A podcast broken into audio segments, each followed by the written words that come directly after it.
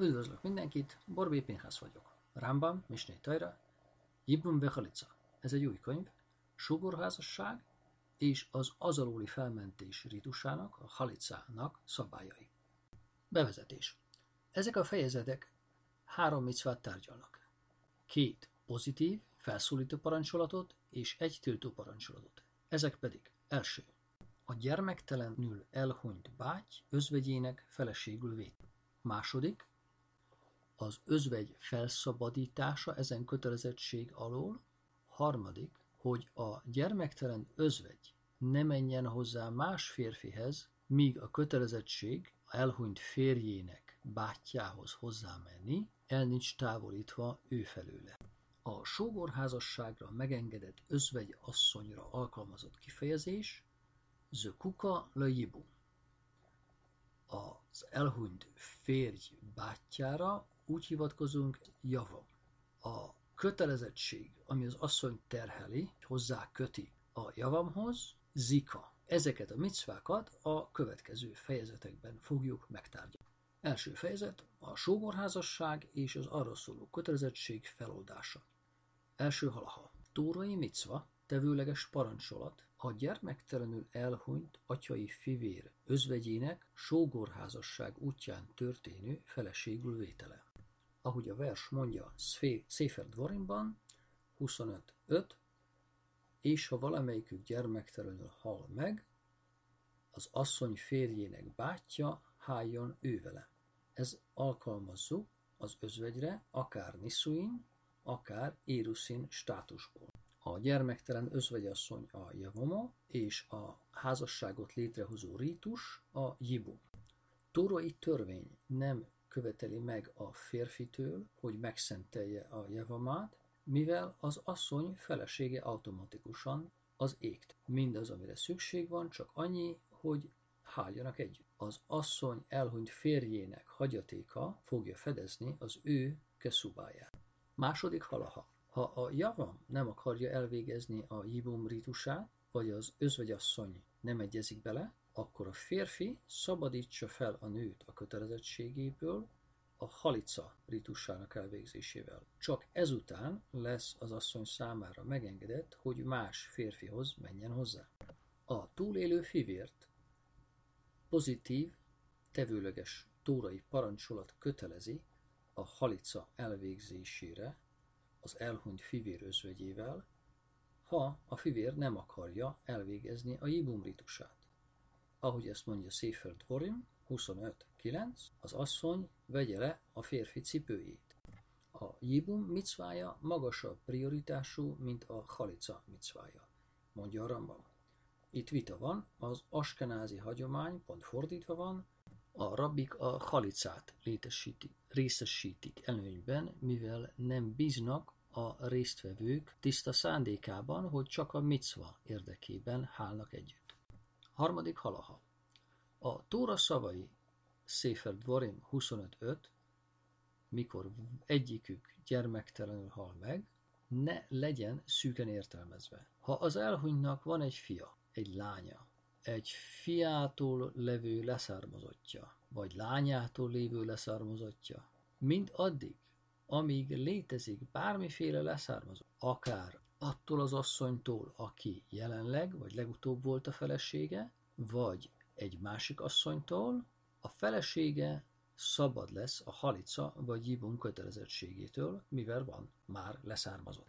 Még ha a meglévő leszármazottja mamzér is, vagy bálványimadó, puszta léte ennek a leszármazottnak már mentesíti az elhunyt feleségét a halica vagy jibum kötelezettségétől. Negyedik halaha. A fentiek akkor érvényesülnek, ha a leszármazott egy zsidó asszonytól született. Ha azonban az elhunytnak megmaradt gyermeke egy szolgálótól vagy nem zsidó asszonytól származik, felesége nem lesz mentes a kötelezettségektől, mivel egy szolgáló leszármazottja, szintén szolgáló ugyanúgy, nem zsidó asszony leszármazottja, nem zsidó, és úgy számítanak, mintha nem volna semmi kapcsolatuk az apával.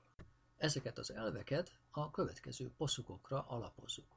A szolgálólányt illetően Smajsz 21.4 mondja, Az asszony és gyermeke a gazdához tartoznak. Azt tanítja, hogy az asszony leszármazottai ugyanolyan státusúak, mint ő maga. És a nem zsidó nőt illetően Dvorim 7.4 mondja, el fogják vezetni fiadat én tőlem, ami azt jelenti, gátjává válnak annak, hogy a kisfiú része legyen a közösségnek, a kehilének. És még ha egy férfi szolgától született fia fel lenne is szabadítva, vagy egy nem zsidó asszonytól született fia betérne, a fiút ugyanúgy kezeljük, mint bárki más betértet vagy felszabadított szolgát, és nem fogja mentesíteni az elhunyt feleségét a jibum kötelezettségétől.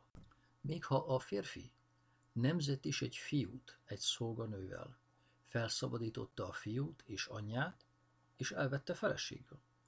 Ha anélkül hal meg, hogy más gyermeket nemzett volna ezzel az asszonynal, a felesége még mindig el kell végezze a jibum rítusát fivérével, jól lehet, a most már elhunyt férfi fia él és fel lesz szabadítva. Ötödik halaha. Ha egy férfi meghal és felesége terhes, ha elvetél, miután a férj meghalt, a feleség köteles a jibumra. Ha kihordta a gyermeket, a magzat élve született, az anya mentesül a halica vagy a jibum kötelezettségétől. Ez még akkor is így lesz, ha a gyermek rögtön a születés után meg is halna. Rabbinikus törvény szerint azonban ezt csak akkor alkalmazzuk így, ha biztosak vagyunk benne, hogy a gyermek kitöltötte a teljes terhességet, 9 hónapot, és csak azután született meg. Ha azonban a terhességi időtartam ismeretlen, az alábbi szabályt követjük. Ha a gyermek él 30 napot, életképesnek tekintjük, és felszabadítja apja feleségeit a jibum vagy halica kötelezettségétől. De ha a gyermek meghal a születéstől számított 30 napon belül, vagy akár a 30. napon, felmerül egy kétség, hogy a gyermek életképes volt-e, vagy sem. Ez független attól, egy betegségben halt-e meg, leesett a tetőről, vagy megette egy oroszlán. Rabbinikus törvény szerint az elhunyt feleségei kötelezettek ez után a halica rítusára, de a jibumot nem végezhetik el. Hatodik halaha. Bármikor, ha egy férfinak van fivére, még ha az a fivér mamzér is, vagy bálványimadó, akár nagykorú, akár kiskorú, mind addig, míg feje és testének többsége már a világra jött, mielőtt bátyja meghalt volna, léte kötelezni fogja elhunyt bátyja feleségeit a jibum ritusának elvégzésére.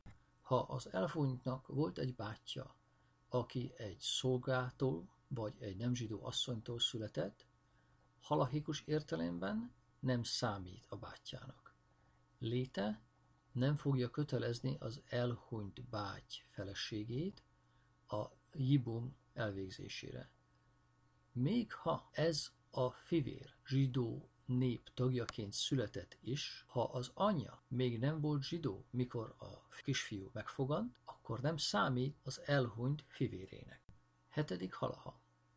Anyai fivérek csak a siratás és tanúskodási törvények tekintetében számítanak fivéreknek. Öröklési törvények tekintetében, valamint jibum és halica tekintetében anyai fivérek olyanok, mintha nem is léteznének. Apai ág az egyetlen mérvadó megfontolás. 8. halaha. Betértek és felszabadított szolgák között nem létezik az apai leszármazás fogalma. Így tehát akár két betért vagy két felszabadított szolga, akik az ugyanazon apától születtek, nem tekintendőek rokonoknak. Még ha egyikük az előtt fogant volna meg, mielőtt a szülei betértek, és megszületett az után, miután a szülők betértek, és a másik azután lett megfogalma, és született meg, hogy a szülők betértek, nem tekintjük úgy, hogy bármiféle családi kapcsolat létezne kettejük között. Még ha ikrek is volnának, akik azután születtek, hogy szüleik betértek, nem számítanak fivéreknek, csak akkor, ha azután lettek volna megfoganva, miután a szülők betértek. 9. halaha. Ha egy férfi, kinek sok felesége van, meghal, mikor fivére együtt hál kell egyik feleségével a ibum szerint, vagy elvégzi vele a halicát, felszabadítja az összes többi feleséget mindenféle kötelezettség alól. A javan fivér nem házasodhat kettővel az elhunyt feleségei közül, ahogy azt Dvorim 25.9 mondja, aki nem építette meg fivére házát, ezt úgy értelmezzük, kizárja a többet. Megépített egy házat, de nem kettőt.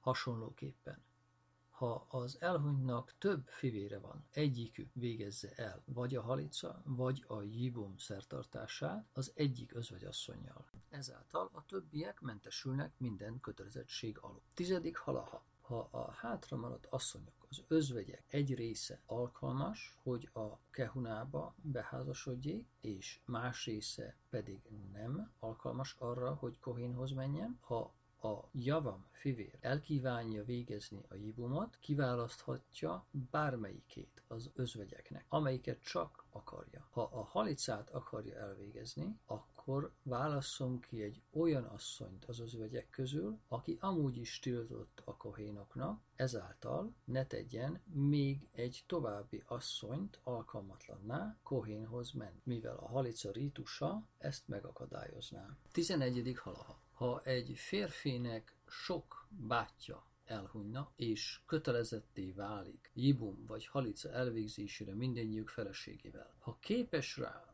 hogy teljesítse a jibumot mindannyiókkal, vagyis el tudja látni őket megélhetéssel, ruházkodással és az intim járandósággal, akkor tegye azt. Ha nem képes erre, akkor hajtsa végre a halicát mindannyiukkal, vagy hajtson végre halicát azokkal, akikkel akar, vagy jibumot azokkal, akikkel akar, kiválasztva egy özvegyet mindegyik elhunyt bátyjának háztartásából. 12. halaha mikor a javam elveszi a javamát, minden másik özvegy abból a háztartásból tilossá válik számára és a többi báty, megmaradó báty számára. Ha ő vagy valamely másik bátyai intim kapcsolatra lépnének egyikével a más özvegyeknek, egy pozitív, tevőleges parancsolatot szegnének meg, Dvorim 25.9, az asszony javamja intim kapcsolatra lép vele, amit úgy értünk, vele, vagyis csak is vele, senki más asszonynal nem, abból a háztartásból. Egy tilalom, ami egy pozitív tevőleges parancsolatból származik, pozitív tevőleges parancsolatnak számít önmaga is. Ezt a Rambam azért mutatja ki ilyen nyilvánvalóan, hogy megértsük, miért nem jár korbácsbüntetés ennek a szabálynak a megszegéséért. Hasonlóképpen, ha a fivérek egyike halicél, halicát végez el a jevammával, az asszony, akivel a halica végre lett hajtva, és az összes többi üzvegy abból a háztartásból tilossá válik, annak a fivérnek számára, aki a halicát elvégezte vele, és az összes többi fivér számára is. Ez a tilalom, rabbinikus tiltás, megadja nékik a snia státust, a másodrendű tiltott státust. Ez az egyetlen tilalom, ami itt felmerül, mivel az elhuny fivér gyermektelen volt, a szigorú tilalom nemi kapcsolat ellen Iszur Erva megszűn. Így tehát, ha a fivérek egyike megszentelné ez egyik ilyen asszony, a megszentelés kötelez, olyan, mintha megszentelt volna egy snia státusú, vagyis másodrendű tilalom alá eső nő. 13. halaha. Ha egy férfi elvégzi a halicát a jevamójával, nem csak a jevama maga lesz tiltott számára ezután, de az asszony rokonsága is, mind a hét erajais, akik ebbe beletartoznak, például anyja, lánya, stb. mindazok tiltottá válnak a férfi számára. Hasonlóképpen az asszony tilos lesz a javam fia vagy fivére számára is. Még olyan fivér esetében is, aki az özvegy asszony férjének elhunyta után született. Még a javama snio státusú hozzátartozói, például lányának unokája is tilosak lesznek a javam számára, és a javama tiltott a javam fiának unokája számára is. Összefoglalásképpen a javama státusa a halica után olyan lesz, mint egy elvált feleségé. Hasonlóképpen, ha a javama meghalna, mi alatt még mindig kötelezettség alatt van, a javam felé, tehát nem történt sem ibum vagy halica, a javam számára tiltott lesz a fenti rokonok elvétele, házasodás velük, pontosan ugyanúgy, mintha a javama a felesége lett volna, és elhunyt volna a javam életében. Mindezek a tilalmak rabbinikusak. Ha az elhunyt fivérnek két felesége volt, fivére elveheti annak az özvegynek a nővérét, akivel nem végezte el a halicát, vagy akár bármi más hozzátartozóját annak a feleség. 14. halaha. Egy férfinak tilos házasodnia egy közeli hozzátartozójával, például anyja vagy lánya, annak az asszonynak, akivel ő a jibum vagy halica kötelezettsége alá esik. Míg csak nem, egy fivére végre nem hajtja a jibumot az asszonynal, aki arra kötelezve van, vagy a halica elszertartását, hogy felszabadítsa az asszonyt a kötelezettség alól. Ez után a másik fivér elveheti az asszony anyját, lányát, vagy bármi más hozzátartozóját, annak ellenére, hogy ezek a hozzátartozók tiltva vannak azon fivér számára, aki végrehajtotta akár a jibumot, akár a halicát, ahogy azt fentebb kifejtettük. 15. halaha. Ha egy férfi elveszi a javomóját, és utána elvált tőle, újra elveheti, ha úgy kívánja. Az asszonyt feleségének tekintjük minden vonatkozásban. Nyoma sem marad annak a tilalomnak, ami előzőleg fent állt, lévén, hogy az asszony fivére felesége volt, nincs itt tilalom sem tórai, sem rabbenikus vonatkozásban. 16. halaha. Ahogy az el lett magyarázva Hilchos Isus. 11. fejezet. Harmadik halaha. Egy kilenc év és egy napos fiú által végrehajtott közösülés teljes értékű nemi aktus a halaha szerint. Ez a szóbeli hagyományon alapuló török. Következésképpen a kiskorú, de kilenc évesnél idősebb java, aki nemi kapcsolatra lép a Jevamóval, tartsa fenn kapcsolatát bele, vagyis ezáltal az asszony tiltottá vált az összes többi fivér számára.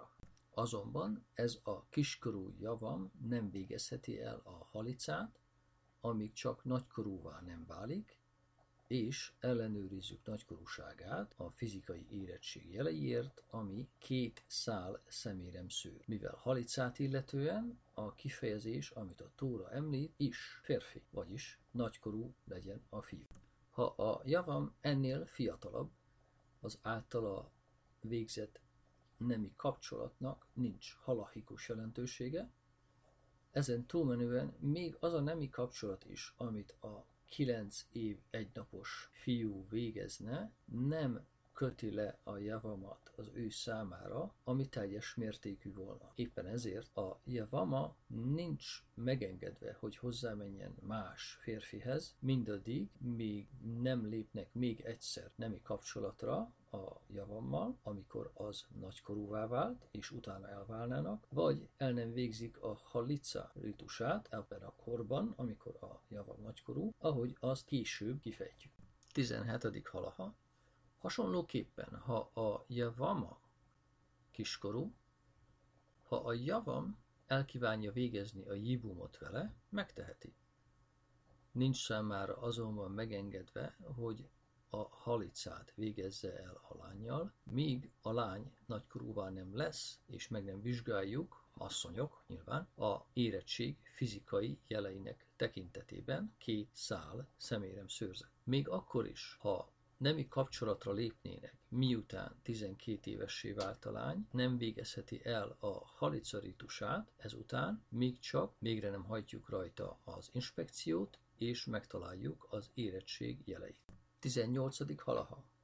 Ugyanúgy, ahogy a javam nem végezhet halicát, amíg nagykorú férfivá nem válik, A javama sem vehet részt a halicában, amíg ő nagykorú asszonyá nem vált.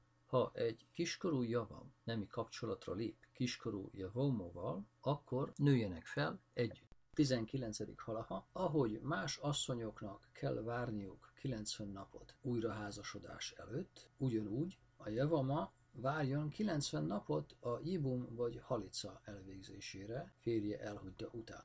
Ez a 90 nap nem foglalja magában az elhunyt férj halála napját, vagy a jibum vagy halica napját. Miért ne legyen halica a 90 napon belül, mivel nem alkalmas a jibum elvégzésére azon idő alatt.